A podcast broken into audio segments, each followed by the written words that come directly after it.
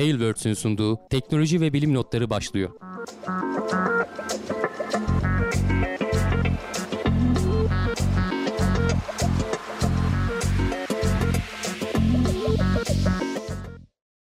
Teknoloji ve bilim notlarına hoş geldiniz. Ben Hamdi Kellecioğlu. Karşımda Volkan Ekmen var. Her hafta olduğu gibi teknoloji ve bilim dünyasından gözümüze çarpan haberlerle karşınızdayız. Nasılsın Volkan? Çok iyiyim abi teşekkür ederim. Seni sormalı. Sen de iyisindir umarım. Ben de iyiyim. Keyfimiz yerinde. Biraz Apple etkinliğine denk geldik bu hafta. İki saattir onları izliyoruz. Gözlüğü tanıtacaklar diye. Hemen öncesinde biraz da kuliste konuştuk. Şimdi tekrar onları konuşmayacağız. Biz bilim haberlerimize dönelim. Direkt Yayına hızlı bir giriş yapalım. Zaten. Evet, Yayında geç açtık. Evet. Biraz da hızlandırılmış tur gibi yani olacak şansımıza haberler. biraz haberler zaten hızlı geçilecek Hı? haberlerdi bu hafta biraz. Evet öyle çok ciddi bir gelişme yok zaten. Gecikmeler falan filan var klasik haberlerimiz. Evet. Sonlara doğru gene ilginç haberlerle e, gündemin kapalışını yapıyor olacağız ama ilk başta şöyle bir uzay haberlerimizden e, başlayalım istiyorum. E, ESA ilk kez Mars'tan canlı yayın yaptı. Bir video şeklinde ama herhalde şey mi FPS'si biraz düşük mü? 50 saniyede bir kare şeklinde. Evet, biraz fazla düşük. Yani aslında bu tam anlamıyla hani uzayın ne kadar büyük olduğunu gösterme videosu gibi bir şey. Şimdi normalde biz bir sürü video izliyoruz. Hani hareketli görüntü, sabit görüntü falan uzaydan gelen pek çok şey var. Geçmişte de canlı yayınlar yapıldı ama nispeten dünyaya yakın yerlerden. Hatta işte Neil Armstrong Ay'a inerken falan yapılan yayın canlıydı yanlış hatırlamıyorsam. Şimdi bu daha derin artık hani Mars yani derin uzay dedikleri. Mars'tan görüntüler geliyor ama dünyada işleniyor belli bir süre. İşte belki ertesi gün belki 2-3 gün sonra falan e, bizimle paylaşılıyor. Tabii ki hani birkaç öncelikle hani böyle tam iniş zamanında falan çekilen birkaç görüntü birkaç saat içinde hızlı hızlı paylaşılıyor ama ilk defa e, ESA e, bu kendi e, araçlarının da 20. yılıymış galiba onu kutlamak adına böyle bir yayın açmış. E, yaklaşık kaç dakikalık bir saatlik falan bir yayın. E, baya baya konuşuyorlar hani merak edenler izlesin ama izlenecek bir şey yok. Yani sen de dediğin gibi 50 saniyede bir kare geliyor. Kendi Mars'ın yörüngesinde dönen araç uzay aracının çektiği görüntüyü doğrudan yayına veriyorlar. Hani herhangi bir işleme vesaire olmadan. O yüzden de görüntü de çok da güzel görünmüyor zaten. Evet. Ama hani onun gelmesi bile galiba yanlış hatırlamıyorsam şurada e, söylüyorlardı. Evet yani hani şey değişiyor. Dünya ile Mars'ın arası sürekli değiştiği için 3 dakika ile 22 dakika arasında değişiyormuş. E, bu şu an e, bu yayını yaptıklarında 16 dakikaymış. Yani her bir karenin çekilip dünyaya gelmesi bile 16 dakika sürüyor. E, aletin işte aktarma hızı falan da demek ki o kadar yüksek değil. Öyle 1080p 20 30 kare saniye falan gönderemiyor yani herhalde. E, bunun üzerine konuşuyorlar yani aşağıda. Hatta şey sunan programı o baş, baş kısmını izledim ben de. Programı sunan spiker şeyi tam anlamıyor. Şimdi görüntü güncellenecek falan diyor. Onu uyarıyorlar. 5 görüntü geldi arada diye. yani aslında e, şey yapıyor. Şöyle ben de biraz ileri alayım. Hani beklemeyelim. Aslında Mars hani görüntüden gelip geçiyor. Yarın öbür gün hani insanlar Mars'ı kolonileştirdiği zaman falan e, öyle çok da bir beklenti içine girmeyelim. Öyle anlık görüntüler işte az önce konuştuğumuz e, FaceTime'lar yok Google Meet'ler, Zoom'lar falan olmayacak yani orayla canlı yayın böyle olmayacak. Mesajı daha çok kaydedip gönderme şeklinde olacak. Ne kadar teknolojimiz gelişirse gelişsin. Çünkü hani şu an için ışık hızını aşabilecek herhangi bir şey bulamıyoruz. E, ışık hızı da işte az önce söylediğim gibi 3 dakika ile 20 dakika arasında gidiyor. Yani hı hı. canlı o de, de, diyebileceğimiz bir şey değil. Biz burada mesela seninle rahat rahat konuşabiliyoruz. Hemen işte arkadaşlara gidiyor çok az bir gecikmeyle de olsa. E, ama işte mesafeler girince araya e, iş baya baya bir bozuluyor. Mars yani o anlamda Evet. Yani Ki Mars hani ihtimalle... nispeten yakın yani. Hani daha da ilerilere gitsen düşün. Tamam uzak diyoruz. Hani ay gibi değil. Arka bahçemiz değil Mars. Biraz böyle yan komşumuz. Ama hani Jüpiter'i, Satürn'ü hele bir o iç gezegenlerden çıkıp daha da dış gezegenlere gitmeye başladığın zaman e, iş iyice içinden çıkılmaz hale geliyor. En iyi ihtimalle 3 dakikalık bir gecikmeden söz ediyoruz yani o da en yakın olduğu Tabii. dönemde. Yani orada bile gecikme süresi çok fazla. Yani şey biraz daha artabilir. Hani e, iletişim işte bu çanak antenler bilmem ne falan daha güçlüleri oraya gittiği zaman aktarım daha iyi olabilir. Şimdi 50 saniyede e, bir kare geliyor. Tamam yani geç olsun 20 dakika geç başlasın dünya ya da yayın ama 1080p 30 kare veya işte ne bileyim daha yüksek kalite gelebilir aslında gelebilmeli ya da bilmiyorum hani o antenler o kadar enerjiyle şey aktarabiliyor mu onun da aynısını o kadar bilmiyorum ama en azından bundan daha iyi olabilmeli. Bunlar tabii ki e, şeyin üzerindeki küçük antenler olduğu için hani uzay gemi aracının üzerinde o yörüngede dolaşıyor. Enerjisi Hı-hı. falan güneşten alabildiği kadarıyla idare ediyor. Öyle çok e, yoğun yayın yapamıyordur dünyaya. Anteni falan da yeterince büyük değildir. Onunla alakalıdır diye ben tahmin ediyorum. Bilimsel çalışmalar için sorun olmuyor. Yani hem telemetri datası bilmem ne falan almak sorun değil. Yani yani data data görüntü biliyorsun hani o piksel ne kadar sıkıştırsan da o pikselleri aktarmak sonuçta gigabaytlarca veri oluyor işte.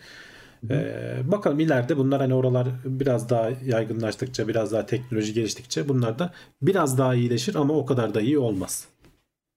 Yani ben şeyi merak ediyorum şimdi e, hani bizim de mesela dünyadan yayın yaparken öncelikle bir uzaya gidiyor oradan geliyor ya mesela burada da hani bir iletişim olduğu zaman hani önce uzaya veri gidecek uzaydan Mars'ın etrafındaki uyduya hani oraya gönderdiğimiz uyduya gidecek oradan da Mars'a gidecek olması gerekmiyor mu normalde mantıken? Yani aslında oradaki vericinin boyutunu büyütmek bu işi çözmüş olacak mı ileride? Ben onu merak ettim mesela. Yani şöyle yani o, benim dediğim o boyutunu büyütmek dediğim yerdeki verici değil şeydeki yörüngedeki verici. Sonuçta o da dünyaya Yörüngedeki. gönderiyor ya.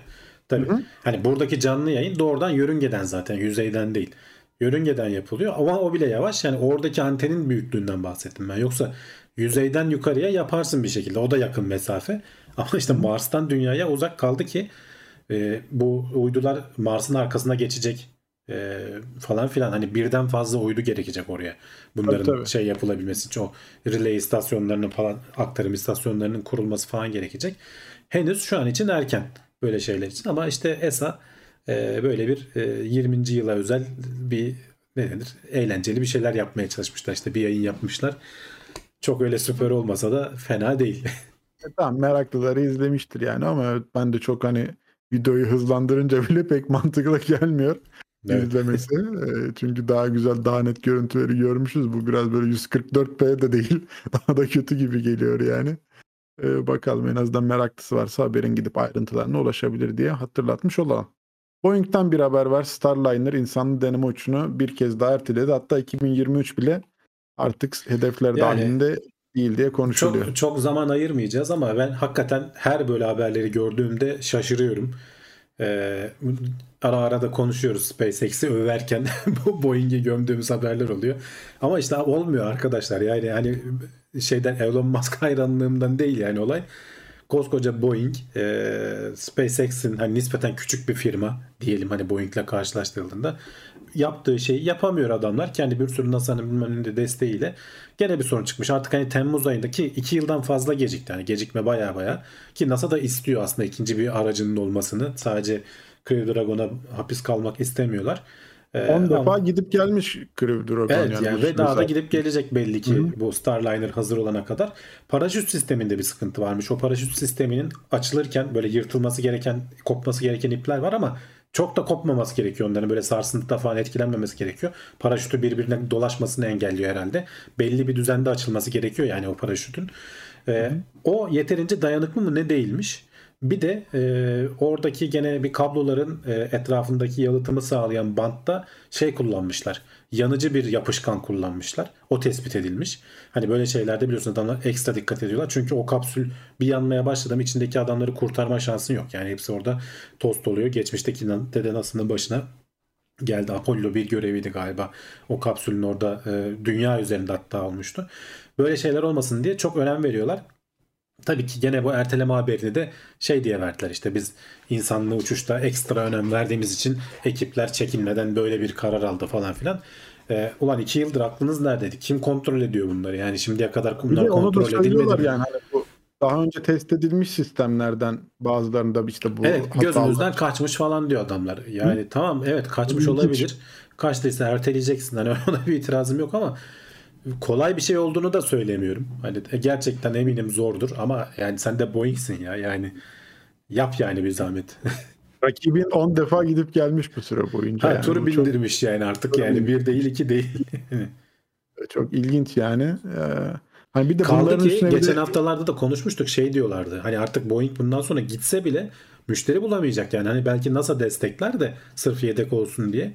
Sonuçta e, şey e, SpaceX habire şey güven taarruz ediyor. 10 seferdir Yani. sorunsuz gidip geliyor.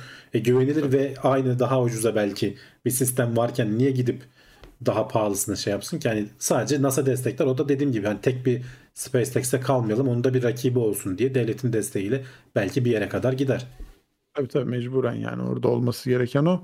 Ee, tek ele düştüğü zaman çünkü artık e, e, fiyatlar da istediğin gibi yönetebiliyor o karşıdaki satıcı. Onlar piyasada istenmeyen şeylerdir. Her zaman yedekli çalışmak gerekir ama Evet. yani burada Boeing'in işi çok zor. Yani bilmiyorum bir de bunlara rağmen ileride hani başaramama gibi bir durum da olabilirse iyice işler sarpa sarar yani. Tabii. Bu kadar süredir de bekliyor herkes. 2023 artık eee, şey olmuş yani hedeflerden çıkmış artık büyük ihtimalle. Yani düşün 2024 i- iki yıla gecikti diyorduk. Demek ki 3 yıla doğru gidecek rahat rahat o. öyle. Evet devam edelim sıradaki haberimize. Eee, NASA'nın astronotları kurtarmak için geliştirdiği ilginç yöntemden bahsedeceğiz. O da Hiç- herhalde raflara kalktı sonra. Hiç hayata geçmemiş ama yani şu anda ekranda görüntüsünü görüyorsunuz. Kocaman bir top yani. Bu e, uzay mekiği henüz daha göreve başlamadan 70'li yılların sonunda galiba tasarlanmış bir sistem. E, eğer uzay mekiğiyle şimdi sen 6-7 astronot gönderiyorsun uzaya. E, mekikte bir şey olursa bunların uzayda e, ve mekiğin içinde de kalamazlarsa mesela bir yangın mangın bir şey çıktı. Yeni bir kurtarma görevi gelene kadar uzayda kalabilmelerini sağlayacak bir e, şey yapmışlar. O zamanlar niye hani kendi elbiseleri yok mu diyeceksin. Hepsine koymuyorlarmış o zaman elbise. Yani uzay mekiğinin içinde yaşayabileceklerini düşünüyorlar. E, sadece pilotta ve işte bir tane uzmanda e, şey oluyor. Uzay elbisesi oluyor. Çünkü uzay elbisesi kolay bir şey değil. Pahalı bir şey. Herkese koyamıyorlar. Ama sonradan şey yaşandığı zaman sonradan bundan vazgeçmişler. Onların hepsine verelim demişler. E, uzay elbisesi ki e, şeylerden sonra da bu Challenger faciasından sonra da galiba herkese fırlatma zamanında falan da giymeyi zorunlu hale getirdiler. Önceden astronotlar onu giymeden gidiyorlarmış. Sadece uzaya çıkacakları zaman aslında bu elbiseleri giyiyorlar. Ama işte o devirlerde böyle bir şey düşünmüşler. Şöyle küçücük bir top yani 90 santimetrelik bir alana hani çapı diyelim. Sen böyle şu şekilde oturuyorsun. Hani içinde işte adam e, zar zor sığdığın şöyle bir hatta görüntüsü de var. Bağdaş kurup oturabiliyorsun. içine sığıyorsun. Eline de bir tane tüp veriyorlar senin. Oksijen tüpü. Onunla böyle 2-3 katlı bir şey. Hani içeriye uzayın soğuğunu içeriye çok geçirmiyor. Ama hani bir saat bir buçuk saat falan idare edecek kadar tasarlanmış aslında. Uzayda bununla. Ve hani uzay boşluğunda da uçmuyorsun tabii ki. Gene şeye bağlı kalıyorsun. Ya e, ne denir? Bu kanadarm dedikleri o e, şeye bağlı bir robot kol var. Şu anda ISS'te de Hı. var. Uzay mekiğinde de vardı o. O robot kolun ucuna bağlı olarak duruyorsun. Ya da işte uzay mekiğinin dışında bir yerlere bağlı olarak kendini duruyorsun. Başka bir astronot gelip seni böyle sepet gibi taşıyor yeni uzay mekiğine. E, ve orada işte hava deliğine girdikten sonra o hava e, kilidine girdikten sonra e, fermuarla falan açabileceğin bir sistemmiş bu. Bunu da baya baya da duyurmuşlar aslında ama hiçbir zaman hayata geçmemiş. Yani e, sonradan e, şey mantıklı gelmiş yani ona herkese biz en iyisi elbise verelim bu böyle olmayacak diye. Ki elbiselerin de artık hani uzay yürüyüşü yaptığın zaman şöyle arkalarında e, o bağlantın kopsan bile uzay boşluğuna gitme diye seni böyle yönlendirip itkini falan sağlayıp tekrar e, uzay mekiğine veya ISS'e yaklaşmanı sağlayabilecek bir iticilerin olduğu şu ekranda şu anda o gösteriliyor. Astronotun üstünde de var. Böyle bir sistemle çıkıyorsun yani aslında. Kendin hani kişisel uzay mekiğin e, oluyor diyelim. E, ama işte bu topun içerisinde hani hakikaten böyle dar alanlarla e, sıkıntısı olanlar için olmayacak bir iş. Neyse ki fazla hayata geçmeden e, hiç kullanılmamış, hiç uzaya gönderilmemiş yani. Tasarlamışlar, duyurmuşlar, e, şeylerini yapmışlar, reklamlarını yapmışlar ama hiçbir zaman kullanılmamış. Herkese elbise ve jetpack vermek e, daha mantıklı bir çözüm haline gelmiş. Zaten içeride oturan astronotun da yüz ifadesinden pek mutlu olmadığı anlaşılıyor yani. Ya, Normal ya şartlarda. düşünsene dışarısı uzay yani çıktığın anda öleceğin bir yer.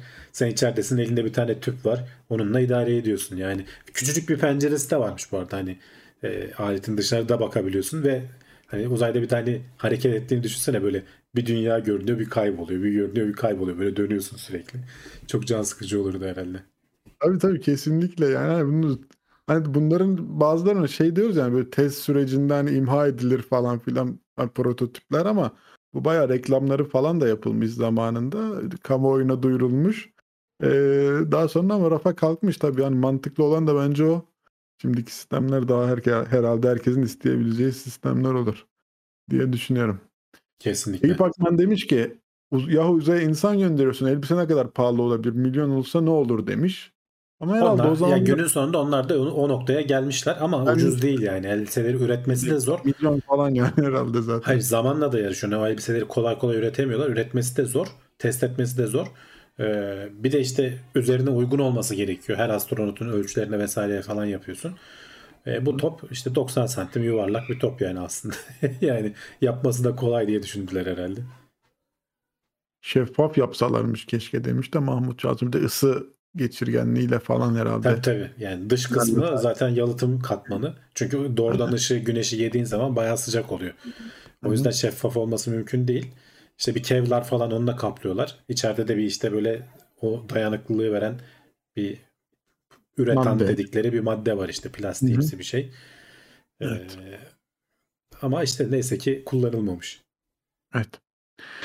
Devam ediyoruz sıradaki haberimiz. Şimdi Ay'a iniş yapan araçlar yörüngedeki uydulara ne kadar zarar veriyor demişiz. Hani baktığınız zaman aslında nasıl diye konuşuyoruz. Hani nasıl uzay e, yörüngedeki ileri ulaşıyor diye ama e, şimdi şeyler araştırmalar sonucunda mantıklı geliyor. Evet yani şöyle düşünmediğimiz bir sürü ayrıntısı çıkıyor. Hani evet, biz evet. Ay'a gideceğiz, orayı kolonileştireceğiz falan diyoruz ama orada trafik arttıkça aklına gelmedik şeyler çıkıyor. Burada da şeyi hesaplamışlar bilim insanları. Yani diyorlar ki şimdi biz Ay'a inerken sonuçta inerken ve oradan kalkarken e, roket it ateşliyorsun. O roket bir sürü toz etrafı püskürtüyor. Ve ay tozu da biliyorsun illet bir şey yani hani bunu daha önce de konuştuk. Yapışkan. Son derece keskin, yapışkan, elektrostatik yani nereye gitse yapışıyor, zarar veriyor. Ee, ve şey toz halinde yüzeydeki şey e, ay toprağı diyelim. E sen bunu roketle ittirdiğin zaman herhangi bir atmosferde olmadığı için alet kaptırıyor gidiyor yani. Ne kadar ittirdiysen tekrar bir yere çarpana kadar veya yüzeye düşene kadar artık. Ayın çekim kuvveti de az. Ka- kaçması da kolay. Yörüngeye fırlatabiliyorsun yani roketin e, o kumları ittirmesiyle, roketin ittirmesiyle.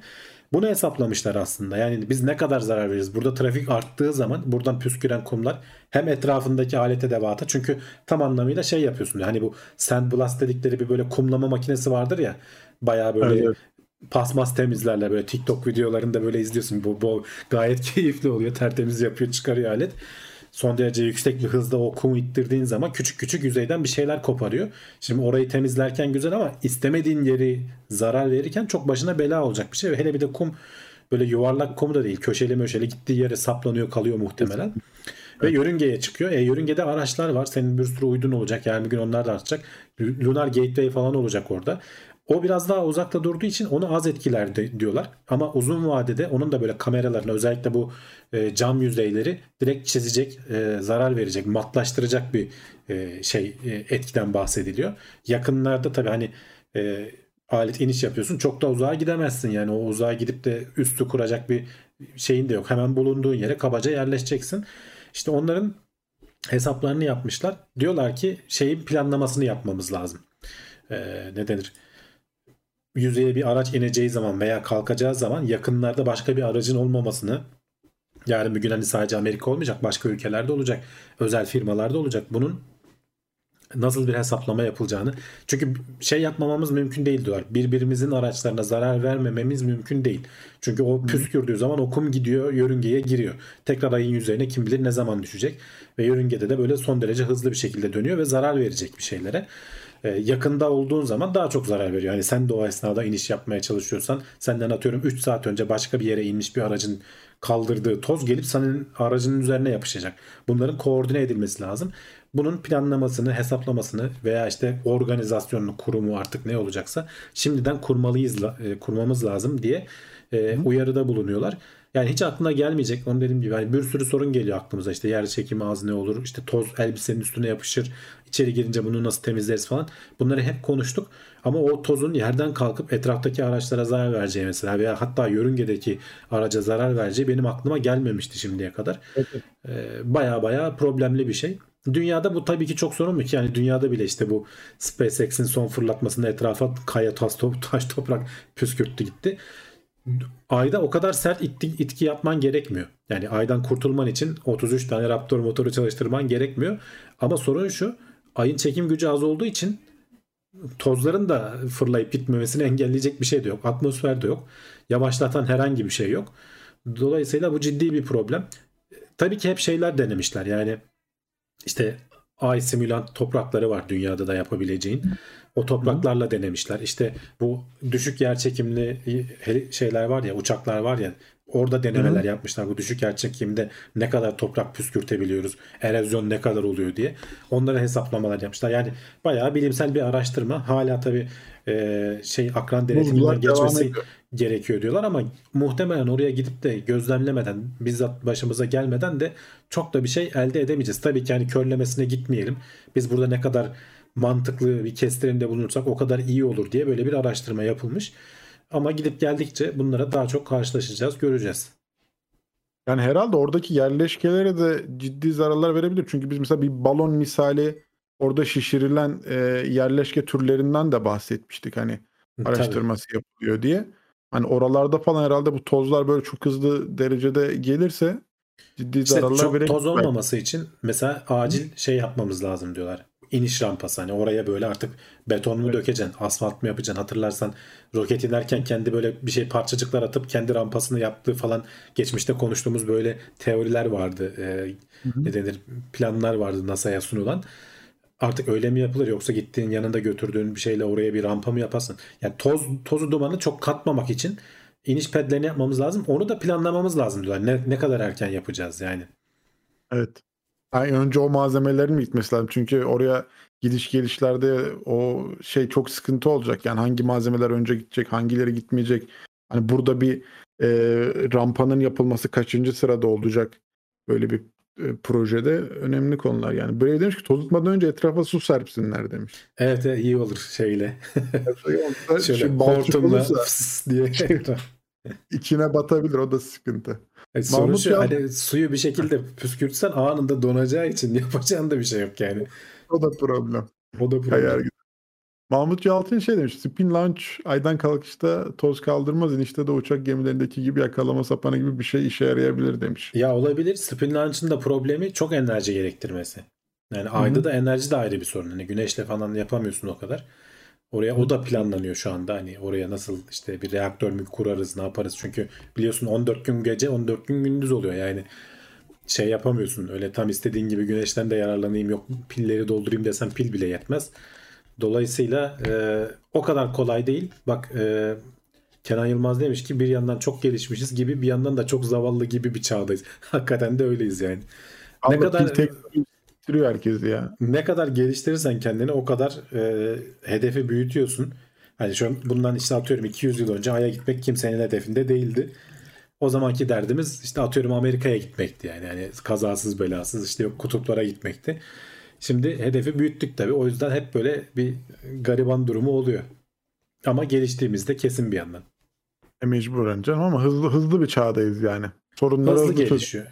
Hızlı evet. gelişiyor. Eninde sonunda da çözülecek. Yani benim ona bir şeyim yok. Ama biraz tabii gidip görülmesi ilk başta bir iki kaza maza işte bir erkenden telef edilen bir şeyler araçlar araçlar olacak ki zamanla bir düzene otursun. Ya enerjiyi hızlı üretebilen ama e, çok da iyi depolayamayan bir çağdayız. Yani en büyük sıkıntılardan biri enerjiyi depolamak. O konuda pek iyi noktada değiliz. Ama enerji üretiminde ben bir problem olduğunu düşünmüyorum yani. Ona ona karşı çok fazla çözümümüz var. Fakat işte bu enerjinin depolanması konusunda bayağı bir yol almamız lazım. Bu her, her alanda geçerli bir sorun. Bakalım evet. orada nasıl gelişmeler gelecek. Çünkü çoğu şeyin önü şu an büyük ihtimalle o yüzden kapalı yani. Yoksa çok daha iyi araştırmalar ve gelişmeler sağlanmış olabilirdi şimdiye kadar. Evet, uzay haberlerimiz eee, bu kadardı. Şimdi biraz da böyle insan vücuduyla alakalı gelişmeleri aktaracağız. İlk haberimiz yeni geliştirilen bir ilaç akciğer kanseri nedeniyle ölüm riskini yarı yarıya azaltıyor. Gayet güzel bir oran.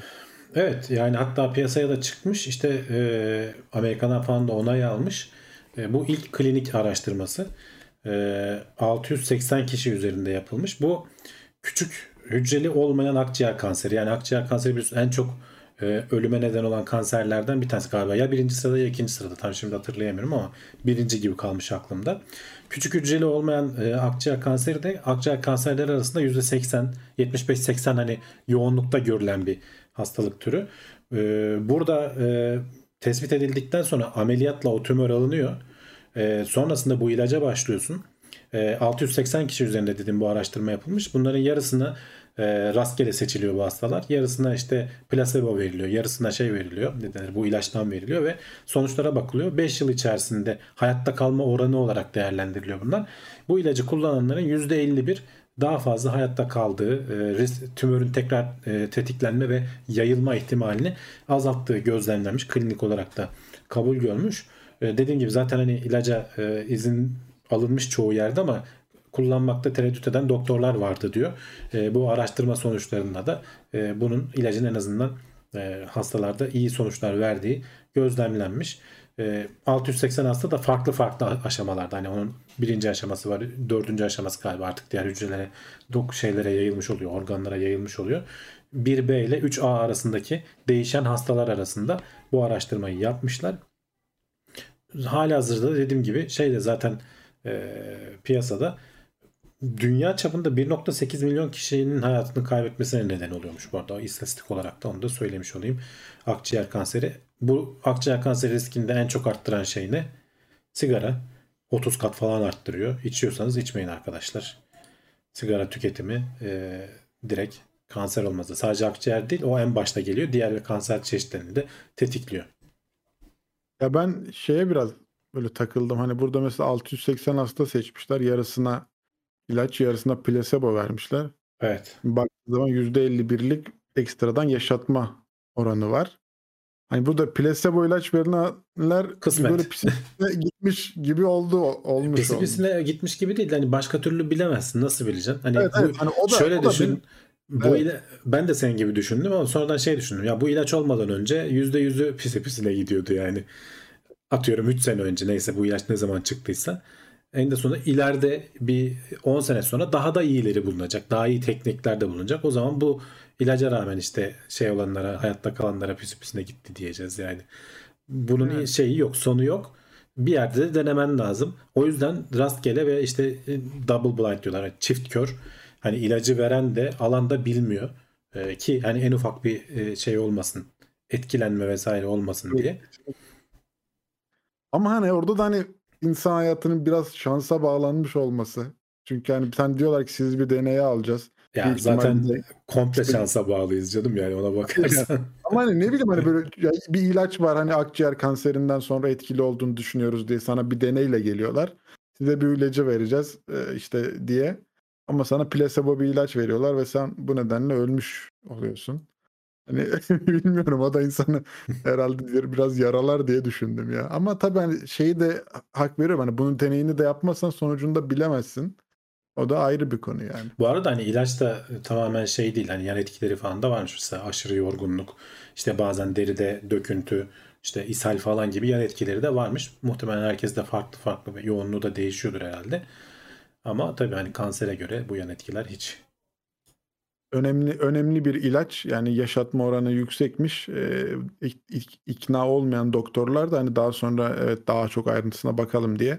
Ya tabii Böyle şimdi biz hani uzaktan konuşuyoruz böyle basit bir popüler şey belki bin tane ayrıntısı vardır hani bu bunların evet. bilimsel olarak doktorların baktığı çok daha fazla çok şey vardır eminim. Hani şeyse eğer ki böyle kullanmaya başlanabilir bir ilaç gibi duruyor şimdiki e, araştırmanın sonuçlarına göre.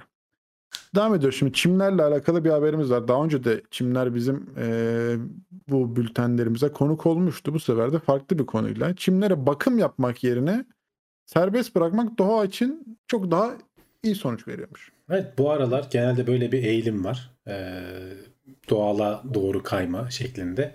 Şimdi çimenler e, çok yüzyıllardır böyle işte güzel düzgün çimler e, insanlara güzel gelir. O bir zenginlik sembolü olarak başlamış aslında. Yani normalde hiçbir insanın işine yaramayacak. Sadece güzel görünme dışında hiçbir şey yaramayacak bir şey. Zenginlerin bahçelerini, sarayların bahçelerini falan süslerken şimdi biraz daha e, şeye indi. Hani normal sıradan vatandaşa indi. Hatta işte bazen belediyelerin falan bahçene bakmadığın zaman ceza kesmesi falan filan söz konusu. Türkiye'de pek olmuyor galiba da yurt dışında Amerika'da falan böyle şeyler yaşanabiliyor. Ama tabii çevre şeylerine baktığın zaman senin o şeyleri biçmen, oraya işte gübre atman, bazı otları ayıklaman aslında doğaya da doğal dengeyi de değiştiriyor. Şimdi burada e, Cambridge Üniversitesi'nin bir araştırması bu. Oranın da hani böyle çok ikonik bir şeyi var. E, çayırı var diyelim hani büyük alanı var. Oranın bir kısmını e, her sene düzenli olarak bakımı yapılan yerin bir kısmını şurada hatta fotoğrafı var onu da göstereyim. E, yukarıdan görünümü var. Bir kısmını ayırıyorlar çayır olarak bırakıyorlar. Hani e, şey yapılmamış böyle düzgün kesilmemiş otlara motlara ayıklanmamış çimen yerine çayır olarak bırakıyorlar. Hatta çayır haline gelsin diye de işte yaklaşık 20 küsür falan e, şeyle çiçek bitki vesaire falan tohumuyla da önce bir tohumluyorlar orayı. Sonrasında da şeye bakıyorlar gelişimine bakıyorlar. Çok çok daha fazla bitki türü normalde şöyle söyleyeyim 3.6 kat e, bitki ve örümcek ve böcek türünün çimenlerde yaşayana göre çayır tarafında yaşayanın daha fazla olduğu gözlemlenmiş. Ee, ve yaşayan canlı e, şeyinin de biyo kütlesinin de 25 kat daha fazla olduğu. Yani çok daha fazla canlı barındırıyor içerisinde. Daha fazla canlı barındırdığı için şeyleri bile etkilediyorlar. Hani e, o bölgede avlanan e, şeylerin neydi? Yarasaların uçuşları vesairesi daha sık gelmeye başlamışlar. Yani bir anda çok basit hani e, tek yaptıkları şey akışına bırakmak. Yani aslında başka hiçbir şey yapmamışlar. Bunun örnek olmasını diliyoruz diyorlar. Çünkü çok daha fazla canlı türü içerisinde barındırabiliyor. Çok daha fazla karbon tutabiliyor. Hem bu bitkilerin çok olması, canlıların çok olması daha fazla karbon tutabilmesini sağlıyor. Onun da istatistiği var. Hektar başına 1.36 ton yılda e, ekstra karbon tutabilir diyorlar. Bu da işte kabaca Londra'dan New York'a bir uçuşun e, karbon salınımı kadar ki hani bu bir hektar için. Bütün bu alanları böyle e, olduğu gibi hala hani vahşi doğaya bırakmakta e, çok çok daha fazla karbon emilimi e, sağlanabilir diyorlar. Tabii ki hani bu her yerde olacak bir şey değil. Mutlaka de tercih de meselesi. Hani kimisine o düzgün kesilmiş çimler güzel görünür. Kimisine öteki taraf güzel görünür. Çünkü içerisinde böyle renkli renkli görmüşsünüzdür ekranda. Renkli renkli çiçekler var. Bir sürü böyle değişik bitkiler var. O da bir güzel görünüyor yani. Kendince onun da bir güzelliği var. Tabii yani. ki hani futbol falan oynayamazsın. Hani o çayır çimen otlar falan daha uzun olduğu için e, o, o tarz böyle oyunlarda ince kısa kesilmiş çimler falan gerekir ama e, bunu arttırır ne kadar arttırırsak o kadar iyi diyorlar. Hani araştırmanın sonucu genel olarak bu şekilde aslında. Şey de herhalde küresel ısınmaya da etkisi varmış. Işığı daha fazla yansıtıyormuş. Hani o da var. Bir... O da var evet. Yani Hı? bu 1.36 ton bu arada hem tuttuğu karbon hem de senin oraya dökmediğin, harcamadığın evet. enerjinin miktarı. Hani enerji. onları evet. da hesaba katmışlar yani. Yok hani şey açısından mantıklı geliyor. Evet hani çim bakımı e, zahmetli bir iş. Bayağı da hem mesai hem işte para harcamak lazım. Hem de işte karbon salımına da etkisi var. Kabul edilebilir şeyler ama hani haberdeki ikna edicilik bana çok geçmedi açıkçası. Hani bir de şeyi de sormuşlar. Hani orada yaşayan kesime işte size hangi taraf daha güzel görünüyor? Bu çayırlı olan taraf mı ya da biçilmiş taraf mı diye. Genelden çayırlı olan tarafı daha çok tercih etmişler ama bana hala biçilmiş biçim daha böyle e, güzel görünüyor açıkçası. Ya bir bana da o... açıkçası öyle görünüyor. Bak Dart da şey demiş. Çayına bakarken bana. diken battı, kene kaptı, yılan soktu demiş. öyle bir tane bize şey diyor yani örümcek türleri daha fazlaydı bilmem ne. Ya tamam da bunlardan biz aslında kurtulmak istemiyor muyuz? Bunların İstemiyoruz doğal... işte. Sen sen doğadan kopmuşsun. Volkan ne biçim böyle. Yok, ben şey yani 11. katta oturuyorum yani. Anladın mı? Böcek ben böcek kadar... olmasın diyorsun. Tabii tabii çimler, mimler, böcekler, kertenkeleler bunlar bize göre şeyler değil yani. Hani biz bunlardan kurtulmak istiyoruz.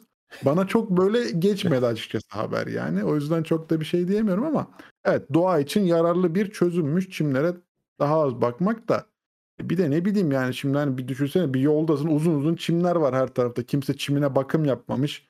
Her taraftan otlar fışkırıyor. Yolda yürüyorsun ayağına otlar değiyor. Arasında ne çıkacak belli değil ayağını bassan işte böceği mi ezeceksin, yılan mı sokacak dedikleri gibi belli değil. Ya bir de futbol oynayamıyorsun, üstünde piknik yapamıyorsun, örtü seremiyorsun gibi örtü gibi. Örtü serersin canım piknik yaparsın o kadar şey Vallahi olmaz da. o çayırın ortasına ben girmem abi. Ben hani kendimi tanıyorum. Ben o çayırın ortasına hiç adımımı atmam. Beton, yani. betonda otururum diyorsun. betonda otururum vallahi yani yok. Hani bilmiyorum o yüzden dediğim gibi hani bana beni çok etkilemedi. Ama şey açısından güzel. Hani evet karbon salınımını ciddi oranda azaltıyormuş. Ee, güzel ama şehir ya içinde işte zaten bence çok... şey deyince yani biyokütle 25 kat artmış deyince işte böcek böcek tabii ki artmış oluyor her şey. Türleri mürleri bize gelmez diyorsun.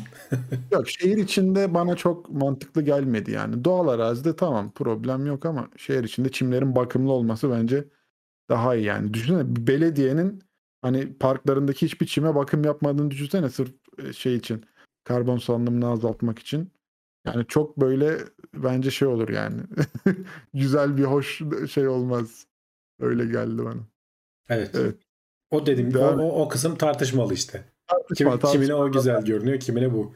Ama ben, ben de kendim... katılıyorum hani nizami kesildiği zaman daha şık görünüyor gibi Aynen. geliyor bana da. Şimdi devam ediyoruz sıradaki haberimize. Türümüzü diğer maymunlardan ayıran en önemli şey merakmış abi. Evet bununla ilgili bir araştırma yapmışlar. Ee, başlıkla işte Pandora'nın kutusunu açmaya pek meraklıyız gibisinden bir şey aslında.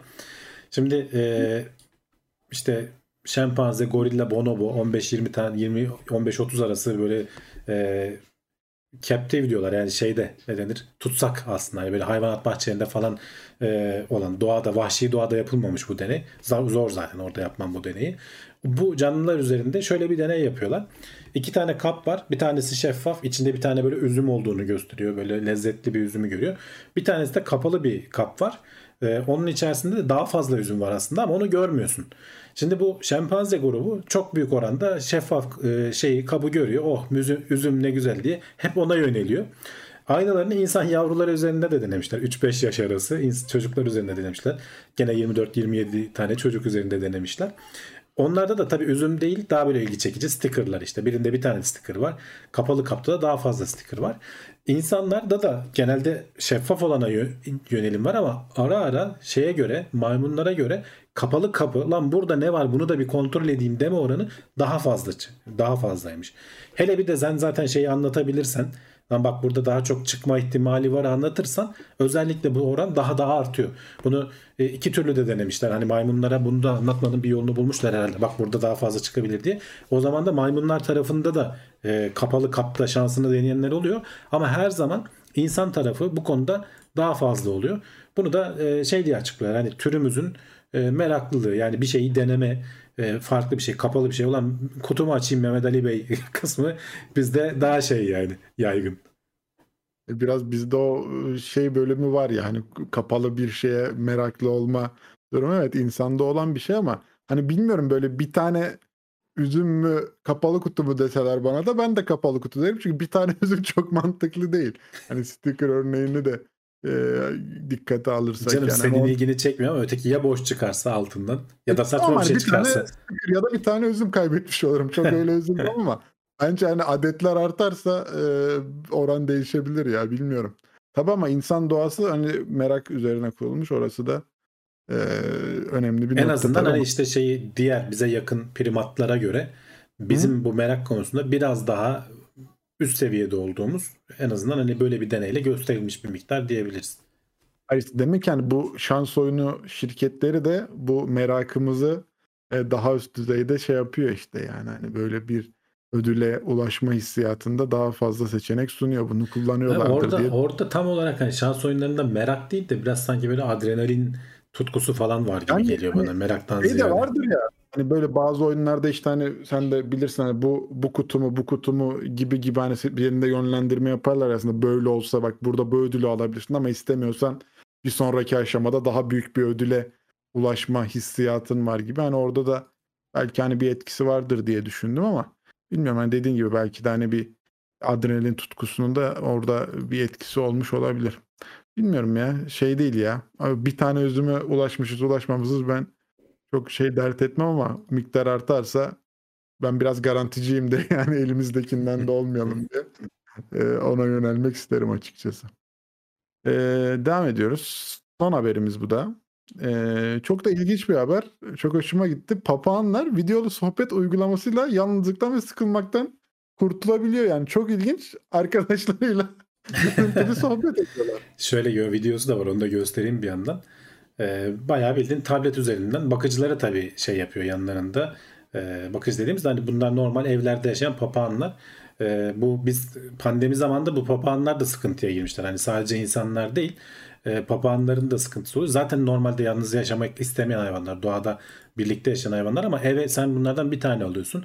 Hayvan etkileşimi bazıları e, selamı sabahı kesecek noktaya kadar gelmiş. Bu araştırmacılar da şey yapıyorlar. Bayağı bildiğiniz Zoom üzerinden diğer papağanlarla e, bunları bir, başta kısa bir eğitime alıyorlar. Eğitim de şu papağan tabii kendi Zoom'da düğmelere basacak kapasitede değil. Bir zil çalıyor. O zili çaldığı zaman e, sen sahibi işte elinde tabletle geliyor veya telefonla neyse. Papağan ama şeyi bile seçebiliyor. Kiminle görüşeceğini bile seçebiliyor. Arkadaşlarının resmi var orada. Bazılarına mesela kendisine daha çok cevap veren şeylere, papağanlara böyle daha sıkı arkadaş oldukları falan gözlemlenmiş. Onu daha çok seçiyor. Hatta karşıda şey de oluyor. Sadece papağan değil, karşıdaki papağanın sahibiyle de bağlantı kurabildiklerini de gözlemlemişler. Hani o da demek ki ona böyle karşılıklı bir konuşuyor falan kameradan bir şeyler söylüyor. Onunla bile bağlantı kurabildiklerini bu da hayvanları mutlu ediyormuş. Bazıları e, şeyi öğrenmiş. E, uçmayı falan öğrenmişler. Hani bu normalde hiç uçmuyordu benim papağanım diyor.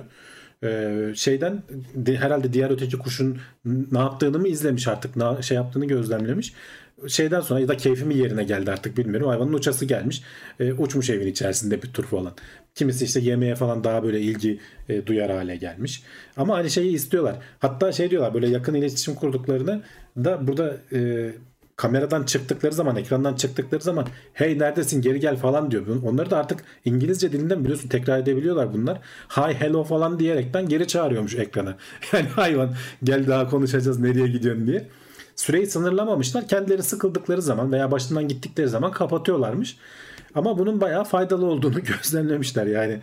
E, hayvanlara eziyet ediyoruz aslında hani alıp eve. Hayvanın doğada bunu milyonlarca diğer işte papağanlarla grup halinde yaşaması gereken bir hayvan aslında ama eve alıp besliyoruz biz bunları.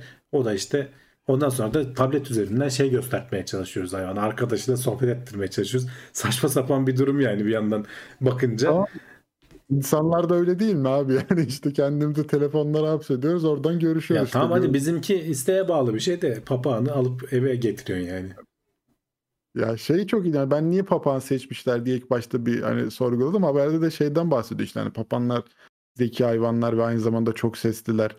Sosyal hayvanlar evet yani bir gruplar halinde. Evet. Hakikaten doğada da şey yapıyorlar hani bir araya geldikleri zaman seçtikleri arkadaşları falan oluyormuş yani. Hani herkes herkesle takılmıyor.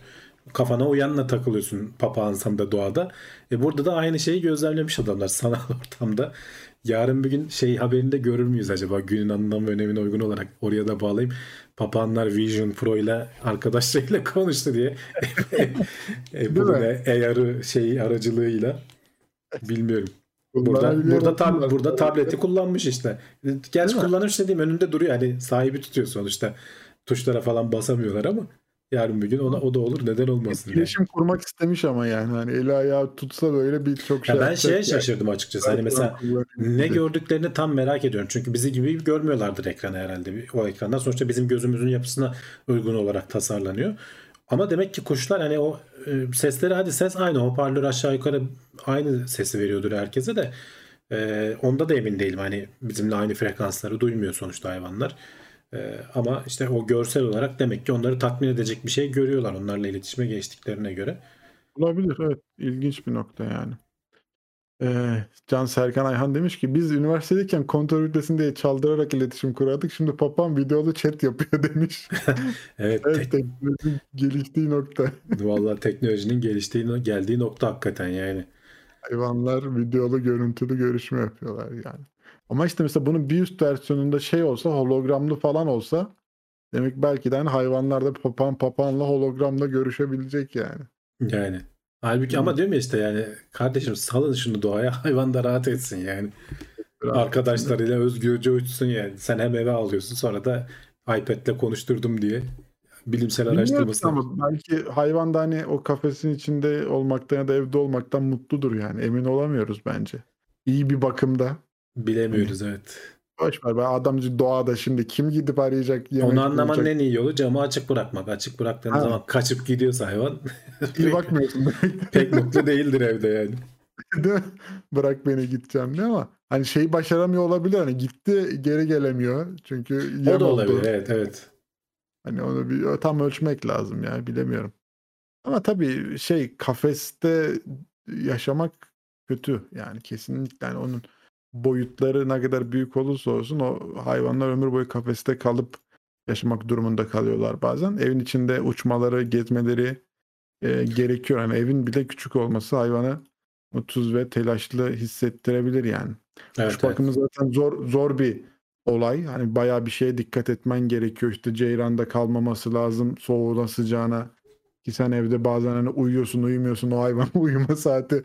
Belki uyumak istiyorsan son seç açmışsın film izliyorsun korku filmi. Hayvan da orada seninle beraber mecbur uyanık kalıyor gibi gibi. Ee, dikkat etmek lazım yani onları da sahiplenirken ya da işte aldığın zaman biraz da onların da hakkını gözetmek gerekiyor diye düşünüyorum. Son haberimiz de burada konuştuğumuz haber. Ee, şimdi kulise geçiyor muyuz? Nasıl planladık? Geçelim onu? çok kısa bir kulisle yapalım. Bir, bir Ee, kulis yaparız gene en azından boş geçmemek adına. Bir şeyler konuşuruz orada da. Ee, araya şimdi sponsor videoları geliyor. Hemen ardından kulis bölümümüzde buradayız. Evet. Arkadaşlar. Bakayım şöyle Tekno Seyir'de Apple ne konuşmuş insanlar. Etkinliği beğenmişler mi? Herkesin derdi gözlük herhalde ya ilk başta. iPhone fiyatları da güncellenmiş galiba yine bir tur. Hmm. E, güzel. Oyun Ne yapalım? konusuna ağırlık verecek gibi görünüyor Apple biraz artık. Ee, ben onu anladım. Öyle hissettim. Hani bu hem e, Vision Pro hani AR vesaire falanla bağlantılı hem de onun dışında da sanki biraz daha çünkü Kojima'yı falan çıkarttılar yani hani Death Stranding'in özel versiyonu mu Director's Cut mı ne gelecekmiş bu yılın sonuna doğru. Başka oyunlarla da geleceğiz diyor adamlar ki çünkü yani M2'lerin falan gücü yüksek yani hem şeylerin e, işlemcinin gücü yüksek grafik anlamda. E, bayağı güzel şeyler yapılabilir. Şu ana kadar hani ben pek duymadım açıkçası. Hani ben de pek de kendim de oynamadım ama e, eğer oraya güzel şeyler çıkarsa, içerikler gelirse Apple oradan da bir alır yürür yani. Herkesin elinde telefonu var, tableti var yani. Evet zam zamlar Zamlar volkanı çökertti. vallahi şey ya sıkıntı. Ne olmuş? Artıyor sürekli. iPhone 12 Bu- 28.500 13 32.000 14 38.000 14 Plus 42 Pro 49 hmm, Pro Max 53 Daha iPhone da 14 gider şimdi. 1 terabayt 68 bin TL. Bu daha da Henüz. gider çünkü şey e, daha dolar yükseliyor yani şu an 22'ye yaklaştı neredeyse. E, ne kadar gidecek bilmiyorum bakalım hani e, şeye döneceğiz diyorlar daha bir makul ekonomi şeylerine döneceğiz diye açıklama yaptılar. Ama onun Bakacağız. sonucu onun sonucu ne olur? Dönebilirler mi? Enflasyonumuz bu ay 0.04 çıktı abi. Ya o şeyi saymadıkları için, doğalgazı falan saymadıkları için o doğalgazı devlet ödedi sözde. Biraz daha zorlasak eksi enflasyon yapacaktık yani. Ya, güzel. yaparsın canım onda sorun yok. Ucu sen de kökü sen de istediğin gibi hesaplarsın. Kaç yazalım abi? Neyse hadi 0.04 yazın da ayıp olmasın diye. hani artıda kalalım. İlginç. Bilemiyorum. Dolar politikası herhalde faiz artacak yönünde. Şeyi beğendim Bizim- ama ya şimdiye kadar gördüğüm gözlükler arasında en düzgününü tasarlamış görünüyor Apple yani. Şey bile düşünmüş adamlar mesela o e, normalde gözlüğü taktığın zaman böyle mat bir ekran olur gözünün önünde hiçbir şey görmezsin. E, karşı taraf da seni görmez. Burada hem sen dışarıyı görebiliyorsun kameralardan falan. Aslında alet mat yani içerisindeki yapı. Ama dışarıya da senin gözlerinin görüntüsünü yansıtıyor. Böylece karşıdaki adam da gelirse senin gözünü görebiliyor. Yani değişik o, o ayrıntıları düşünmüş adamlar. O- onlar bana ilginç geldi mesela. Kafandan çıkarmak zorunda kalmadan falan. Biraz kablo mablo uzanıyor. Kablo, şeyle pille kullanabiliyor musun? 2 saat pil ömrü var dediler. Bilmiyorum hani gerçekten de 2 saat gider mi? Ee, ama normalde kabloyla istediğin kadar kullan diyorlar. Ağırlığına bakmak lazım. Hani böyle kafaya taktığın zaman ne kadar ağır oluyor veya, veya bastırdığın zaman ne kadar uzun kullanabilecek misin falan. Seni ortamdan koparmadığı için de belki mide bulantısı falan daha az olabilir. Bunları hep denemek lazım. Bilmiyorum emin değilim yani. Yani sanal gerçeklik yerine arttırılmış gerçeklik daha mantıklı geldi bana. Ben de arttırılmış gerçekliği tercih İstersen ederim. de art şey yapabiliyorsun hani sanal gerçekliğe onda böyle tepesinde bir dial koymuşlar o döndürülecek bir al- alet koymuşlar. Onu çevirdikçe böyle doğa yayılıyor evinin içerisinde falan yani güzel yapmışlar onu da. Şey mi bu? Hani artırılmış gerçeklik dediğimiz bölümde gözlüğün önünde bir kapalı alan var. Kamerayla mı içeriye veriyor yoksa Kamerayla içeri veriyor. Ha, Her her bir göze 4K'dan daha fazla piksel veriyoruz dediler. 23 milyon piksel dedi. Aklına yanlış kalmadıysa toplamda. Her bir göze 4K'dan daha fazla piksel denk geliyor dediler. Yani gerçekçiliği yakalamak adına. Senin gözüne kamerayla veriyor. Yani o sen gene o küçük şeylerden görüyorsun. Hani küçük ekranlardan görüyorsun göreceğini. Ya bu şeyi konuşmuştuk işte hani bilgisayarın o ekrana gelmesi mevzusunu eğer ki hani bunları da entegre ederlerse ben görmedim aleti de bu arada. Bilgisayar o ekrana geliyor. MacBook'una baktığın zaman MacBook ekranı tamamen oraya geliyor. Bütün Tamamen şeyler oraya. Oradan mı işlem? İstediğin gibi devasa ekranda evinde kullanıyorsun öyle düşün kocaman. Oturdun koltuğa bütün ekran önünde. Aynen. Yani bu şey Tamam. gibi Minority Report azınlık raporu filmi vardı işte. ya. Sonra Tabii, tabii, Sadece lazım. Eğer uzun kullanım için düzgün çalışırsa ekrana gerek kalmayacak gibi görünüyor. Okey tamam. Ben kabul ederim. Öyle bir şey güzel. Yani bütün şu an benim önümde iki tane 27 inç ekran var yani evimde Tabii. kocaman duruyor yani. Hayır, bir de bunda her taraf ekran üstüne kafanı böyle çevirirsen böylece arkan önün her yerini e, istediğin yere çevir. kurtulduğun yerden izle. Aynen. Güzel teknoloji. Tamam televizyonları da kaldıralım artık o zaman. Tabii. Yani bu aletin varsa televizyonda kaldırabilirsin. Ama işte şeyi denemek lazım. Uzun uzun kullanımda oluyor mu? Tamam, Çünkü ikinci- bu aletin bu aletin şeyini düşünsene televizyonu 3 boyutlu falan da verebildiği için orada avatarı falan gösterdiler ekranda. Ee, ses ses falan sistemi de Apple'ın genelde çok iyidir. Böyle surround sound'u falan da sana çok iyi verebilecek muhtemelen diye tahmin ediyorum. Genelde Apple ürünlerinde ses hep iyi oluyor. E, o zaman çok hakikaten böyle film izleme keyfi falan oyunlar falan çok içerisine alabilir seni. Denemek lazım. Yani gösterdikleri demo süper tabii. Hani o demolarını Apple'ın hep iyi oluyor zaten de. Gerçek hayatta böyle olur mu? Bu VR işi, gözlük işi her zaman denenmiş ve patlamış bir şey. Yani patlamış da demeyeyim. Bazı son zamanlarda iyi şeyler çıktı.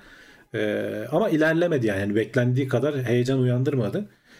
Apple'ınki de fiyattan biraz kaybediyor. Oradan he- heyecan uyandıramıyor. Olur ya olmaz diye bir şey yok. Birkaç kişi bir şey izlerken birkaç gözlük almak lazım. Apple bunu beğendi demiş Brave. Ama Evet. canım öyle olacak ama hani zaten mesela bir televizyonun deneyiminin aynısını verecekse ve onun bir iki katı fiyatına olacaksa bence kabul edilebilir bir fark yani. Şimdi televizyon deneyimin daha ötesini verecek. Aynısının ötesi yani Tamam, aynısı değil. hani- yani, ötesi olacak yani. orada. Dediğin hani mesela evine diyorsun ya, 55 inç mi alayım 40 inç mi alayım bilmem kaç Tabii inç mi tabii alayım. canım. Al kardeş 105 inç 200 inç kaç inç Ne istiyorsan. 100 bin? Sınırsız yani. Her, her, her yer senin şey. istiyorsan güzel. Yok ben hani kabul ederim. Evinde sinema deneyimi. Sadece gözlüğü taktın bütün ev sinema oldu mesela. Anladın mı? Evet Bir evet. de gözlüğü taktığın için karartmayı da sağladın. Hiç şeyle de uğraşmadın. Yani dışarıdan ışık geliyormuş bilmem ne geliyormuş. Onları da şey yaptın. Ambient light mi istedin? Onu da yaptın. Problem yok. Tabii tabii. Teknolojiler önemli yani. Özellikle de bilgisayarla Mac'le beraber ortaklaşa çalışıp sana daha büyük bir çalışma alanı sunuyorsa bence kabul edilir yani. Oyun deneyimini merak ederim mesela öyle bir cihazda. Ya oyun deneyimini çok seni içerisine alacağına ben eminim. Doğru güzel tasarlanmış şeylerle. Ki Unreal falan gösterdiler. Unreal'da biliyorsun artık neredeyse filmlerden ayıramıyorsun kalitesini. Ee, oyunla film dünyası böyle birbirine girecek bir şey. Bir noktaya vardı artık. Hı. Ama işte uzun kullanımda Arda Özer de onu sormuş. Ya uzun kullanımda normal ekrana göre nasıl olur? Onu bir görmek lazım. Yani denemek lazım, Vallahi test etmek lazım. Evet, deneyim ve tecrübe işi yani. O yüzden hani buradan da pek bir şey bence söylenir mi zor yani. Onları herkesin denemesi lazım. Apple'ın ama bu konuda hani genelde şey oluyor. Deneyim standları oluyor.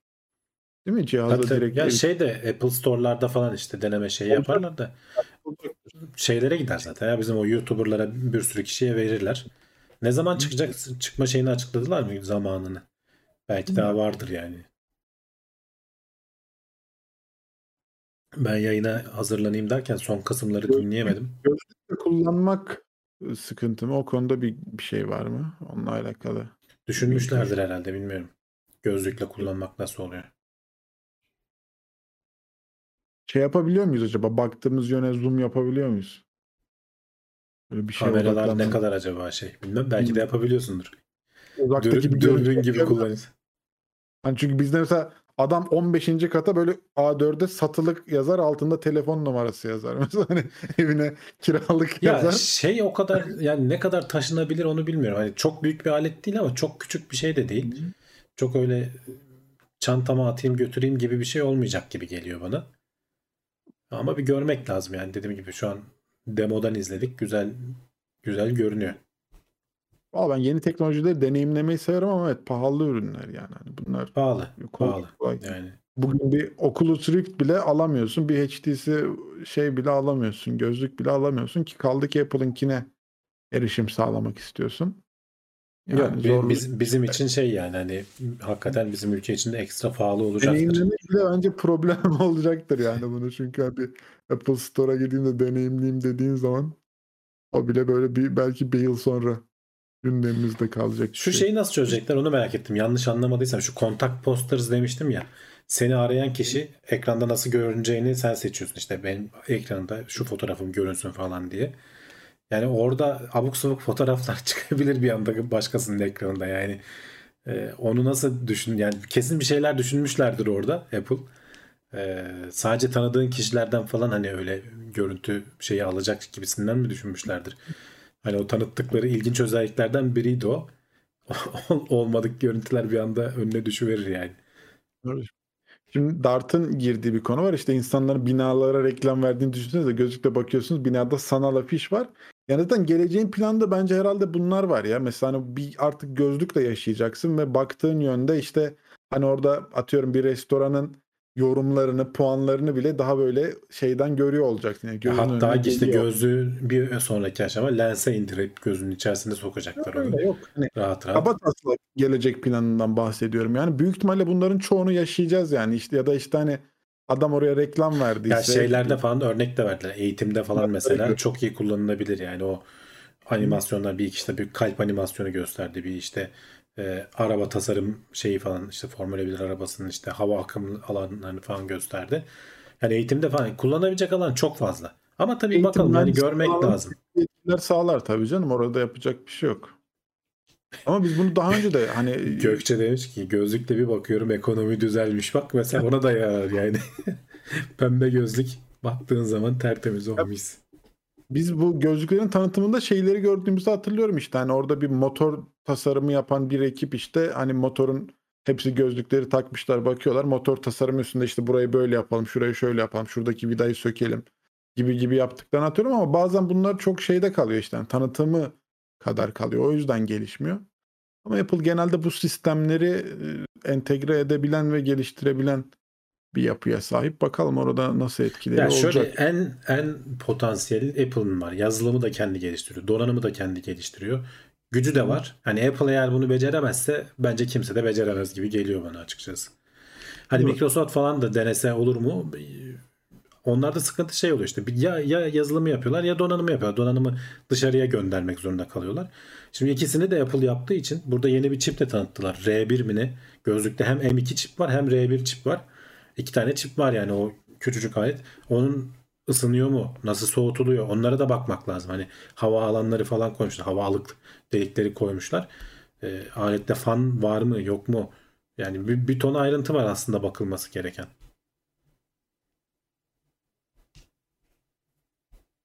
Evet. Bakalım haftaya daha da belki bir iki ayrıntı netleşirse gene. Yayından bir, bir ses geliyor haberiniz olsun demişler. Nasıl bir ses geliyor Ümran? Bizim sesimiz geliyorsa bunun gelmesi lazım. Sizin sesiniz geliyor diyor. Bir cisim yaklaşıyor. Sadece şey olur. Benim konuştuğum sen kulaklık takmadığın için bazen bana geri geliyor. O belki yayına geliyordur. Pardon. O varsa onu bir sonraki yayına şey Bir yapalım. sonraki yayında kulaklık takarsan sorun olmaz. Tamam. Çok ama Haber. çok öyle rahatsız edici değil. Az geliyor yani. Çok nadir. İstedim ben geçen hafta da böyle kullanınca baktım kimse şikayet etmedi dedim herhalde çalışıyor sistem diye. O yüzden çok şey yapmadım da. Yok yok bir sıkıntı yok. Evet hadi kapatalım. Bu hafta birazcık kısa oldu Apple etkinliği nedeniyle. Saat olarak da ama geç saate kadar kalmış olduk. Saat Kimse- olarak biraz daha geç kal geçe kaldık ama e, süre olarak biraz daha kısa oldu herhalde.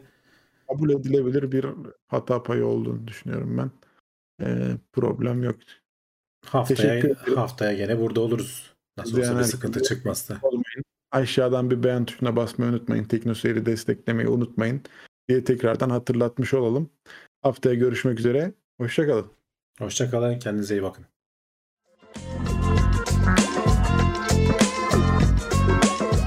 Tailwords teknoloji ve bilim notlarını sundu.